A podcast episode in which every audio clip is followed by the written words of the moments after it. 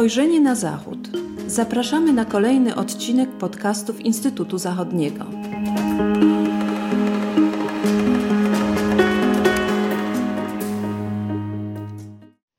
Dzień dobry, z tej strony Małgorzata Bukiel. Witam Państwa w kolejnym odcinku podcastów Instytutu Zachodniego. We wrześniu w Izbie Pamięci w Kątach Wrocławskich nastąpiła inauguracja nowego projektu poświęconego ziemiom zachodnim. 14 września zainaugurowano projekt Ocalone Dziedzictwa Regionalne Izby Pamięci Ziem Zachodnich i Północnych, i projekt ten e, został e, zainicjowany przez Ośrodek Pamięć i Przyszłość we Wrocławiu, e, który realizuje go przy wsparciu instytucji tworzących konsorcjum sieci ziem zachodnich i północnych. O tym, dlaczego ocalenie dziedzictwa gromadzonego w Izbach Pamięci na ziemiach zachodnich i północnych jest ważne oraz o głównych celach tego projektu porozmawiam z koordynatorem całego przedsięwzięcia Marcinem Musiałem, specjalistą z działu badawczego Centrum Historii Zajezdnia we Wrocławiu. Dzień dobry Marcinie. Dzień dobry. Y, pierwsze pytanie, zanim przejdziemy może do takich pytań typowo dotyczących e, tego, czym jest ten projekt i na czym polega, e, chciałabym zadać Ci pierwsze pytanie, skąd taki pomysł? Dlaczego uznaliście, że to dziedzictwo przechowywane w izbach pamięci, które zazwyczaj mają taki wymiar lokalny, jest na tyle istotne, żeby rozpisać cały projekt i przygotować całe e, wieloletnie przedsięwzięcie, które miałoby dziedzictwem przechowywanym w tych izbach się zająć. Ja myślę, że to już jest e, po części odpowiedzią na to pytanie, już jest chociażby pierwsza wizyta w jakiejkolwiek izbie pamięci, e, gdzie spotykamy się zarówno z takimi lokalnymi elementami dziedzictwa kulturowego, dotyczącymi konkretnych osób, rodzin związanych z danym okolicą, regionem, ale również szereg y, różnego rodzaju innych przykładów dziedzictwa kultury materialnej i, i również związanego z kulturą niematerialną, które y, pokazują, jaka jest skala tego zjawiska i jak, jak wiele cymesów można w takich miejscach znaleźć. Na poziomie instytucjonalnym w 2017 roku zainicjowaliśmy projekt pilotażowy, w ramach którego Ośrodek Mamy i Przyszłość y, nawiązał współpracę z dwoma stowarzyszeniami prowadzącymi na Dolnym Śląsku Izby Pamięci. I były to stowarzyszenia w Brzegu Dolnym i właśnie we wspomnianych y, kątach wrocławskich. Stwierdziliśmy po, po pierwszych rozmowach i po takich wspólnych, wspólnych właśnie spotkaniach, można powiedzieć, główne problemy, z jakimi mierzą się tego typu stowarzyszenia, które nie są e, w stały sposób dotowane, czy, czy nie mają własnych środków na, na prowadzenie działalności. I były to przede wszystkim e, problemy związane z zabezpieczaniem e, i ochroną zbiorów. To znaczy, dużym problemem okazało się brak wiedzy, w jaki sposób do tych zbiorów podchodzić, jak je zabezpieczać, jak je przechowywać, jak je prawidłowo eksponować jakie warunki magazynowania również im zapewniać, co oczywiście wpływa na ich e, trwałość bądź brak tej trwałości. Drugim problemem okazała się e, struktura e, samych stowarzyszeń, które prowadzą tego typu inicjatywy. To znaczy, w wielu przypadkach jest tak, że stowarzyszenia działające siłą wolontarystyczną swoich członków no, składają się z osób o dość zaawansowanym wieku i zdiagnozowaliśmy taką, takie zagrożenie, że w przypadku zaniknięcia takiego stowarzyszenia z naturalnych względów bądź różnych innych, zbiory, które oni przechowywali, przez to, że nie są w żaden sposób zinwentaryzowane, po prostu mogą przepaść i różne sytuacje związane z ich rozproszeniem w najlepszym przypadku, bądź e, po prostu ze zniszczeniem i wyrzuceniem w najgorszym przypadku, no też mogą mieć miejsce. Dlatego nasza współpraca z tymi dwoma izbami, e, z tymi dwoma stowarzyszeniami zaowocowała w jednym przypadku po prostu pokazaniem, w jaki sposób zajmować się tymi zbiorami, jak o nie dbać, w jaki sposób monitorować też ich stan i warunki przechowywania, e, a w drugim przypadku e, zaowocowała no, w dość takim szybkim tempie, ale też wynikało to z, jakby z samej inicjatywności tego stowarzyszenia w kątach wrocławskich, no, wspólnym stworzeniem dość, dość potężnej ekspozycji, e, która w kątach wrocławskich powstała i we współpracy zarówno ze stowarzyszeniem, które dało na tę ekspozycję swoje zbiory. Naszym ośrodkiem jako instytucją patronacką, ale która również zabezpieczyła kwestie merytoryczne i projektowe oraz lokalnym samorządem, który odpowiadał za budowę tej ekspozycji, przeznaczenie miejsca również i później jego e, włączenie w strukturę organizacyjną jednostki samorządowej, no udało się stworzyć e, taką, taką ekspozycję, w ramach której również otwieraliśmy 14 września, tak jak wspominałaś właśnie nasze, e, ten, ten projekt, który był inaugurowany w tamtych okolicznościach. I, ja od myślę, tego się zaczęło. Miejscu, Przepraszam, że Ci przerwę. Myślę, że w tym miejscu powinniśmy mm, wszystkich e, Państwa zaprosić do Izby w Kątach Wrocławskich, bo jest to naprawdę e, imponujący efekt tego pionierskiego przedsięwzięcia e, w ramach tego projektu. Jak najbardziej koniecznie. Jestem przekonany, że w każdym momencie, kiedy się tam Państwo pojawicie, nie tylko będziecie przyjęci z otwartymi ramionami, ale również będziecie oczarowani zaangażowaniem osób, które prowadzą te izby, bo trzeba przyznać, że prócz samego potencjału tkwiącego w zbiorach, no, bez osób, które prowadzą te, te, tego typu inicjatywy, no nie byłoby te, tego czegoś, tego fantastycznego zjawiska, jakim te izby regionalne są. Powiem tylko, że po rozpoczęciu tego pilotażu w 2017 roku i po rozwinięciu się również y, sieci ziem zachodnich i północnych, w ramach której również Instytut Zachodni jest bardzo istotnym komponentem, elementem, członkiem i instytucją merytorycznie zaangażowaną. Rozszerzyliśmy ten projekt właśnie na, na całą sieć, to znaczy wszystkie regiony włączone w działania sieci, instytucje, które prowadzą tam działania w regionach, e, pilotowały e, i wyszukiwały tego typu inicjatyw w swoich regionach i to nam pozwoliło też oszacować, jaka jest skala tego typu inicjatyw właśnie w poszczególnych częściach ziem zachodnich i północnych. To, to pokazuje, że jest ponad, ponad 150 w pierwszym rozeznaniu, a teraz widzimy, że ta liczba rośnie tego typu, e, tego typu lokalnych muzeów, można powiedzieć. Więc takimi krokami rozbudowywaliśmy tę inicjatywę i rozrastała się ona dzięki zaangażowaniu naszych partnerów z sieci ziem zachodnich i północnych i wspólnymi siłami dążymy do tego, aby ten projekt właśnie no, rozkwitł i uzyskał taki, taki, taki efekt, jaki jest osiągany, a o tym za chwilę. To może przejdźmy do tego, już nie trzymajmy w niepewności naszych słuchaczy, przejdźmy może do tego, jakie są e, główne cele projektu. E, oczywiście, jakie są cele te wymagane, ale także to, co i dlaczego chcecie przez ten e, projekt osiągnąć. E, chcecie, chcemy, tak? My również w Instytucie Zachodnim pracujemy nad tym, żeby te cele osiągnąć, ale mm, wspomniałeś też o tych stowarzyszeniach, które prowadzą, które prowadzą te izby, więc tutaj po prostu nawiążę też do tego, e, że nie chodzi tylko o izby, które prowadzą e, stowarzyszenia, mm, ale też inne podmioty. O tym może, może najpierw powiedzmy o celach, a później jeszcze przejdziemy do tego, mm, do, do kogo jest skierowany ten projekt. Jak najbardziej. To jest tak, bo sam projekt został zgłoszony y, do Ministerstwa y, Dziedzictwa Kultury Ministerstwa i Kultury i Dziedzictwa Narodowego, tak, dziękuję. To znaczy, y, ministerstwo zauważyło, że faktycznie jest potencjał w tego typu idei. Jakiej idei? Mamy zabezpieczony w jakiś sposób i rozruszany na poziomie oddolnym ruch archiwistyki społecznej dzięki Centrum Archiwistyki Społecznej. Natomiast warto zauważyć, że tego, ta, ta inicjatywa dotyka przede wszystkim zbiorów właśnie o charakterze archiwalnym. Natomiast cała rzesza, cała masa e, eksponatów o charakterze, można powiedzieć, no właśnie artefaktów muzealnym, czyli przestrzennym też. Są to elementy gospodarstwa domowego, zabytki różnej klasy i różnego zasięgu, e, różnej proweniencji również, e, które nie da, których się nie da zeskanować w prosty sposób i stąd ich zabezpieczenie i digitalizacja jest utrudniona, natomiast one również stanowią bardzo istotny element dziedzictwa narodowego również w tym, w tym szerokim aspekcie.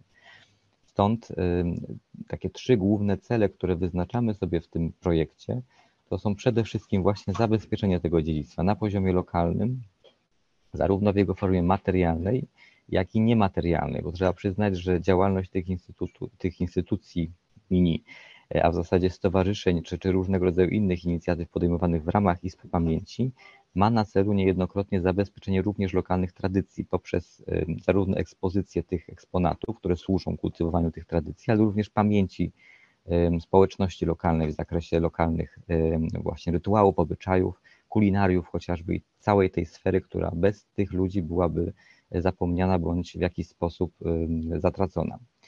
Drugim e, celem jest poprzez wykorzystywanie tego potencjału tkwiącego w tych eksponatach i, i tej społeczności zrzeszonej wokół Izby, wzmacnianie bądź też czasem kształtowanie lokalnej tożsamości i szacunku wobec tego dziedzictwa. To jest taki cel, powiedziałbym, nieco szerzej zakrojony i którego efekty będziemy mogli oglądać dopiero w przestrzeni, na przestrzeni kilku następnych lat, a może i dalej natomiast jest również bardzo istotny. On pokazuje, po co tak naprawdę się to robi. Samo zabezpieczenie dla zabezpieczenia nie jest jakby celem samym w sobie. I celem trzecim, który jest bardziej związany z, z naszym konsorcjum sieci ziem zachodnich i północnych, jest e, rozszerzenie jego też potencjału ekspozycyjnego. Co to znaczy? Sieć ziem zachodnich i północnych jako konsorcjum jest w jakimś sensie odpowiedzią na postulat budowy Muzeum Ziem Zachodnich. Y, i realizujemy ten, ten postulat w nieco odmiennej formie. Y, natomiast już możemy się pochwalić trzema ekspozycjami stałymi, y, które do oglądania są w Szczecinie, Wrocławiu i teraz od niedawna w kątach wrocławskich. Natomiast widzimy też duży potencjał właśnie w zejściu do tego poziomu lokalnego, gdzie te mini muzea są, działają i y, również wpływają na kształtowanie się lokalnych tożsamości i lokalnej tożsamości, regionalnej też tożsamości, bazującej również na tym doświadczeniu y, chociażby y, wspólnej migracji, czy, czy tym doświadczeniu postmigracyjnym, o, o którym pisze i mówi profesor Saxon na przykład. Więc te trzy cele strategiczne wyznaczają nam kierunek działania. I początkowo myśleliśmy, że zwracamy się przede wszystkim do stowarzyszeń, tak jak wspomniałaś, natomiast widzimy, że mając na celu zabezpieczenie zbiorów, jest y, sens w tym, aby zwrócić się również do instytucji, które tego typu zbiory zgromadzą i je eksponują, a więc zarówno y, jednostek samorządu terytorialnego, jak i bibliotek, y, różnego rodzaju inicjatyw gminnych, instytutów, no, tych wszystkich instytucji, które pozostają nieco poza e, zaopiekowaniem się ministerialnym i też poza wiedzą w zakresie zbiorów gromadzonych, e, które w ministerstwie po prostu jest e, może niedostrzegalna bądź niezauważalna, poprzez to, że właśnie nie są te zbiory poddane regularnym inwentaryzacjom i, i związane z tym tej formą zabezpieczenia. Więc... E, Czyli powiedzmy też na przykład izby w szkołach, tak? Izby pamięci przy szkołach. Może nie jak działają najbardziej. Jak najbardziej dziękuję, że o tym przypominasz, bo to jest faktycznie też osobne zjawisko, powiedziałbym, że, e, że tego typu inicjatywy są podejmowane przez szkoły bądź przy szkołach właśnie, dzięki pasjonatom lokalnym i szkoły są bardzo gościnnym miejscem niejednokrotnie dla tego typu inicjatyw, za to też myślę warto szkołom podziękować. I, I, tak, to jest, to jest zupełnie e, osobna, e, powiedziałbym trochę osobna kwestia i też kilka izb takich szkolnych, które dotyczą tak naprawdę całej miejscowości, bądź nawet szerzej regionu. E, też już kilka mamy na oku i mam nadzieję, że, że te, które jeszcze do projektu nie zostały włączone, do tego projektu wejdą i, i będziemy o nich mogli mówić, nimi się chwalić i je promować. Mamy taką nadzieję. Ja jeszcze wrócę do mm, tego, co powiedziałeś o e, koncepcji mm, funkcjonowania sieci, e, czyli koncepcji funkcjonowania sieci jako muzeum w wielu miejscach. Wspomniałeś o tych trzech wystawach, e, przestrzeniach wystawienniczych, które teraz w których teraz funkcjonują wystawy stałe, czyli Szczecin, Wrocław, Kąty wrocławskie. I Mam takie mm, pytanie, które mi się nasunęło, czy to zejście mm, do tego, na ten poziom lokalny y, upamiętniania, y, czy tych y, inwentaryzowania i rozpowszechniania wystaw w takich no, niekiedy lokalnych ośrodkach, czy to pokazuje pewną specyfikę ziem zachodnich i północnych, czyli czy to wasze zejście do tego niższego poziomu ekspozycyjnego, znaczy może nie niższego, tylko na mniejszą skalę, e, czy to jest odpowiedzią na wielość tego dziedzictwa? które ziemie zachodnie i północne jednak wciąż skrywają. Czy, czy to jest po prostu, czy to wynika z tego, że jest ta wielość dziedzictwa, czy to wynika po prostu z założeń projektu, czy nie braliście tego pod uwagę? Czy to jednak pokazuje na pewną specyfikę e, tych regionów, no nie jednego regionu, ale tych regionów, które e, ziemiami zachodnimi i północnymi teraz określamy? Powiedziałbym nieco przewrotnie, że e, ten projekt jest dla mnie zaskakujący i bardzo to w, tym, to w nim lubię, że mhm. właśnie na każdym kroku nasze pierwotne założenia są weryfikowane i redefiniowane. W tym sensie, że oczywiście pod względem wskaźnikowym, tak zwanym, e, tutaj pilnujemy e, różnego rodzaju założeń, które, przed którymi się jakby tłumaczymy przed ministerstwem, natomiast bardzo wiele elementów e, musieliśmy zmienić na szczęście, ponieważ wynikało one z błędnych naszych wstępnych założeń. Zakładaliśmy na przykład, że głównym naszym punktem zainteresowań są te izby, które opowiadają, czy których zbiory opowiadają E, o e, łączonym dziedzictwie e, właśnie tym przedwojennym, powojennym. Natomiast widzimy, że oczywiście ten komponent jest niezwykle istotny i to też jest ten element charakterystyczny dla, dla, tych, dla tego obszaru, który przejawia się w bardzo wielu kolekcjach, gdzie zderzają się niejako ze sobą elementy dziedzictwa zostawionego czy pozostawionego, czy ono ma czy ono ma charakter, powiedziałbym, dziedzictwa niemieckiego, czy, czy może polskiego również, jak, jak dobrze wiesz, tutaj na, na tym obszarze też te elementy są obecne i ważne dla lokalnych społeczności, czy właśnie tego przywiezionego z bardzo wielu e, zakątków historycznych granic Polski i świata.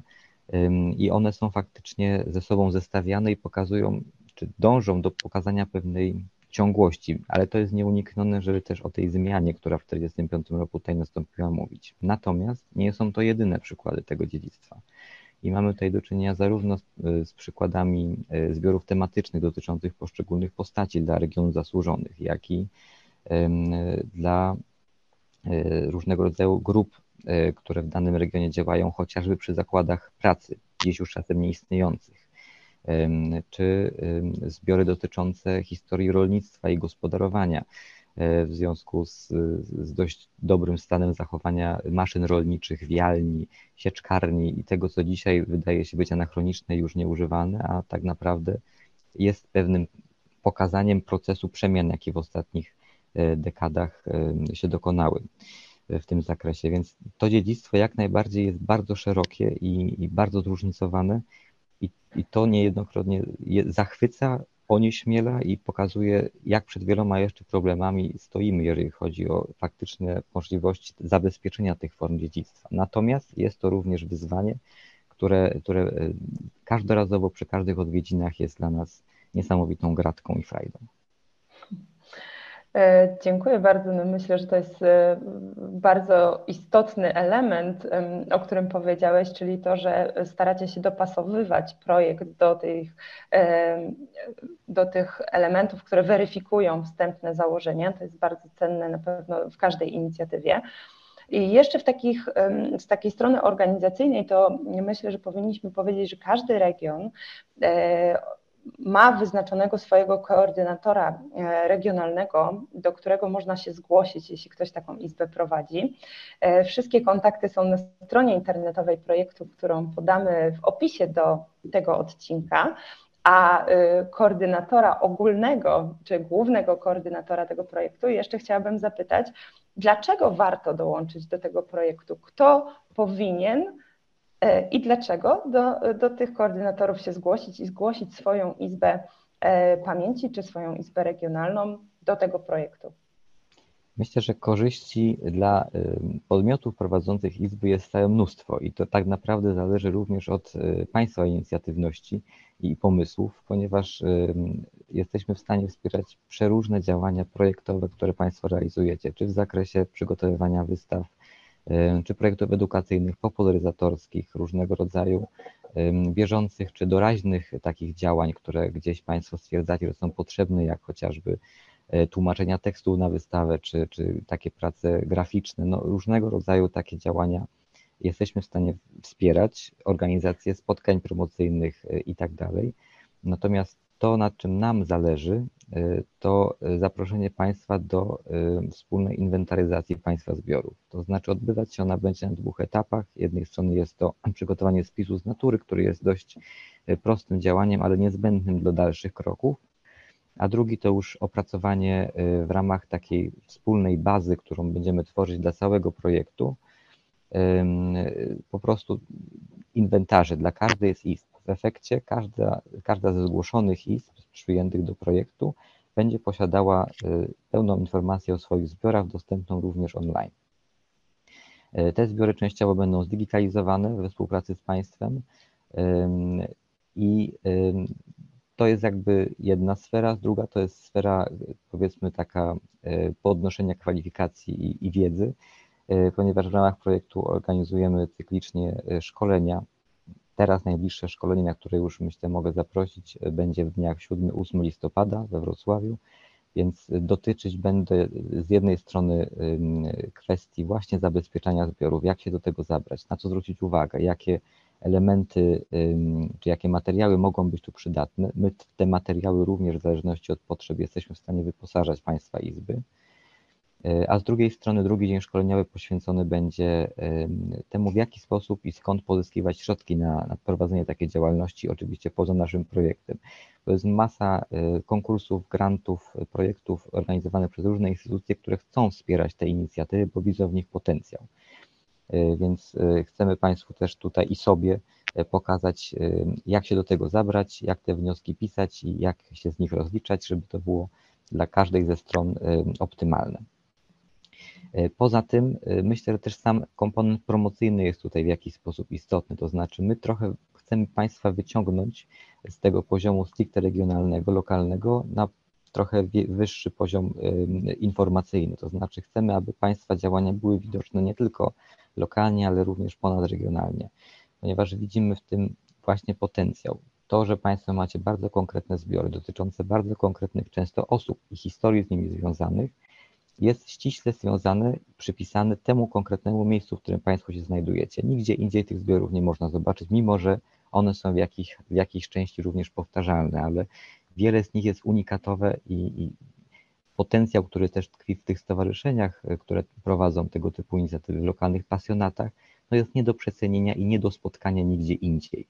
Więc dla samych tych wartości lokalnych e, będziemy chcieli zapraszać innych do tego, aby zachwycali się również Państwa lokalnymi kolekcjami i osobowościami. To, jest, to są przykłady oczywiście i jestem przekonany, że e, z każdym, z każdym zainteresowanym stowarzyszeniem czy instytucją prowadzącą izbę jesteśmy w stanie wypracować odpowiednie czy, czy różne w zakresie działania porozumienia i, i właśnie formy współpracy. Także serdecznie zachęcam poprzez kontakt na, na pośrednictwie naszej strony, tak jak właśnie Małgosiu powiedziałaś, można się skontaktować z naszymi koordynatorami regionalnymi i dołączyć do projektu. Będziemy na Państwa czekać. Dziękuję bardzo.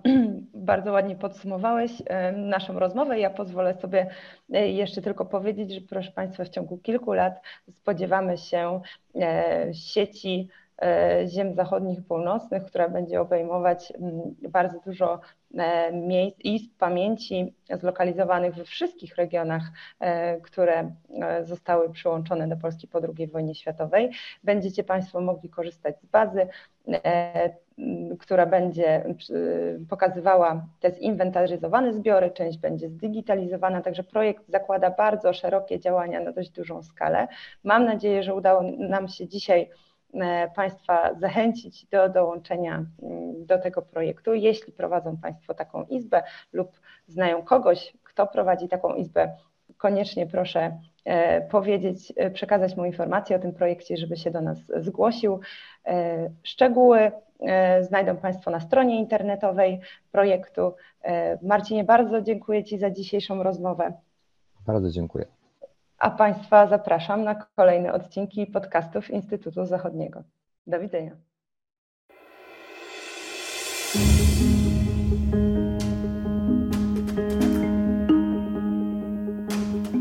Spojrzenie na Zachód. Podcasty Instytutu Zachodniego.